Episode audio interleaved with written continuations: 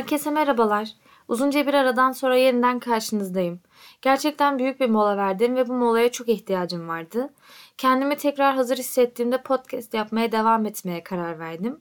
Bu süreçte nerede olduğumu merak edip soran bazı dinleyicilerime de çok teşekkür ediyorum. Podcast yapmadığım bu süreçte aslında yapmayı ne kadar çok sevdiğimi ve özlediğimi fark ettim. Anlattıkça hafiflediğimi ve daha önemlisi başka insanların hayatına dokunabildiğimi gördüm. Bu da bana motivasyon oldu elbette. Bu yolda çıkarken her zaman kendime geldiğim kadar başka insanlara da iyi gelmeye amaç edindim. Birlikte iyileşme fikri bana hep çok tatlı gelmiştir çünkü. Ve sanırım bunu az da olsa başarmaya başladım. Yeterince uzun bir giriş yaptığıma göre bu bölümde konuşmak istediğim konuya geçmek istiyorum yavaştan. Bugün bahsetmek istediğim konu duygulardan kaçınmak. Duygulardan kaçınmak derken aslında bu kadar kısa ve net bir durum yok elbette. Duygulardan kaçmak nedir? Duygulardan neden kaçıyoruz? Hangi duygulardan kaçıyoruz daha çok? Bu sorulara cevap aradığımız bir bölüm olacak. Bu bölümde de elbette diğer bölümlerdeki gibi yine kendimde en çok gördüğüm ve iyileştirmeye çalıştığım bir şeyden bahsedeceğim. Uzun uzun zamanlar boyunca her zaman bazı duyguları görmezden gelerek, içime atarak ya da onları yok sayarak yaşadım. Çünkü gerek kendi içimizde gerek toplumun bize öğrettiği bazı ayıp duygular var. Mesela ağlamak, üzülmek, kırılmak, kızmak ve daha nicesi.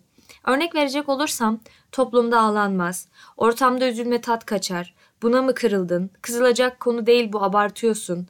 Eminim birçoğumuz bu cümleler oldukça alışkın. Ben de tabii ki çokça duydum bunları. Ve ne oldu sonra? Aslında mutluluk gibi, sevinç gibi, heyecan gibi normal ve doğru olan duygulardan kaçmaya başladık. Terapi sırasında normal olan birçok duyguyu yaşarken terapistimden özür diliyordum. Ağlarken, kızarken, hüzünlü hissettiğimde bunları sanki bir başkasının yanında yapmamalıymışım gibi özür dilerken buluyordum kendimi. Halbuki bu duygularda unutanılacak ya da içe atılacak hiçbir durum yok. Mutlu olmaktan ve mutluluğumuzu göstermekten ne kadar çekinmiyor ve zevk alıyorsak aynı şey üzüntümüzde, ağlamamızda ya da kızgınlığımızda da geçerli olmalı. Olmayınca ne mi oluyor? İçinde sürekli çatışmalar yaşayan bireylere dönüşüyoruz. Hüznümüzü içimize at saklayarak çözüm bulmayı da geciktiriyoruz. Eminim birçoğumuz sabahına hüngür hüngür ağladığımız, acısından yataktan kalkmak bile istemediğimiz zamanlarda bile ortamın tadı kaçmasın diye kendimizi gülmeye, şakalaşmaya zorlamışızdır. En azından benim bunu yaptığım zaman sayısı sayılamayacak kadar çok. Çok yıpratıcı, çok yorucu ve çok üzücü bir durum. Bu üzerimizdeki baskıyla aslında ne hissetmemiz gerektiğini biz değil çevre karar vermiş oluyor. Neden? Bu benim duygum. Neden karşımdaki karar versin buna? Şimdi üzülmeyeyim yoksa bir daha beni ortamlarına almazlar. Şimdi otobüsteyim ağlamayayım yoksa beni ezik sanarlar. Ne kadar tanıdık cümleler değil mi? Neden bir insan sırf ağladı diye ezik oluyor? Ağlamak neden normal bir durumdan aşağılık bir duyguya dönüşüyor? Bu baskı neden cinsiyet fark etmeksizin herkese yapılıyor? İnsanın içine attığı duyguların dışarıya yansıttığı duygular kadar normal olduğunu anlaması bazen geç olabiliyor. Fikren kabul edilmesi kolay olsa da hayata geçirmek o kadar kolay olamayabiliyor. Ama bir kez bile yerleşince bu düşünce işte o zaman hayat kolaylaşıyor. İki benlikli yaşamamız gerekmiyor. İki benlikli derken neyi kastettiğimi açıklayayım hemen. Birinci benliğimiz içimizdeki, ikinci benliğimiz ise dışarıya yansıttığımız. Birinci benliği ve ikinci benliği birbirine ne kadar yakın tutarsak o kadar benlik çatışması yaşamaktan kurtulabiliriz diye düşünüyorum.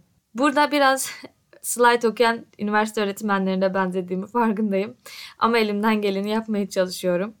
Konuma dönecek olursam benlik çatışması yaşamak kolay bir durum değil. Birçok sorunu da beraberinde getiriyor. En sonunda ise birbirlerine o kadar karışıyorlar ki insan kendini kaybediyor ve bulamıyor.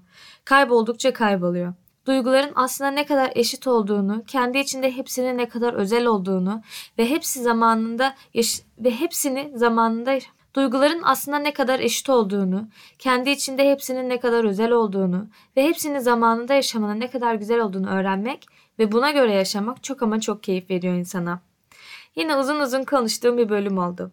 Genel olarak toplamam gerekirse duygularımızdan kaçmamayı ve her duygunun birbirine eşit ve aynı güzellikte olduğunu kabul etmeyi ve tabii ki yaşantımızı buna göre sürdürmeyi anlattığım ve bu şekilde yaşamayı dilediğim bir bölüm oldu. Uzun uzun konuşmak, yeniden podcast yapıyor olmak bana çok iyi geldi.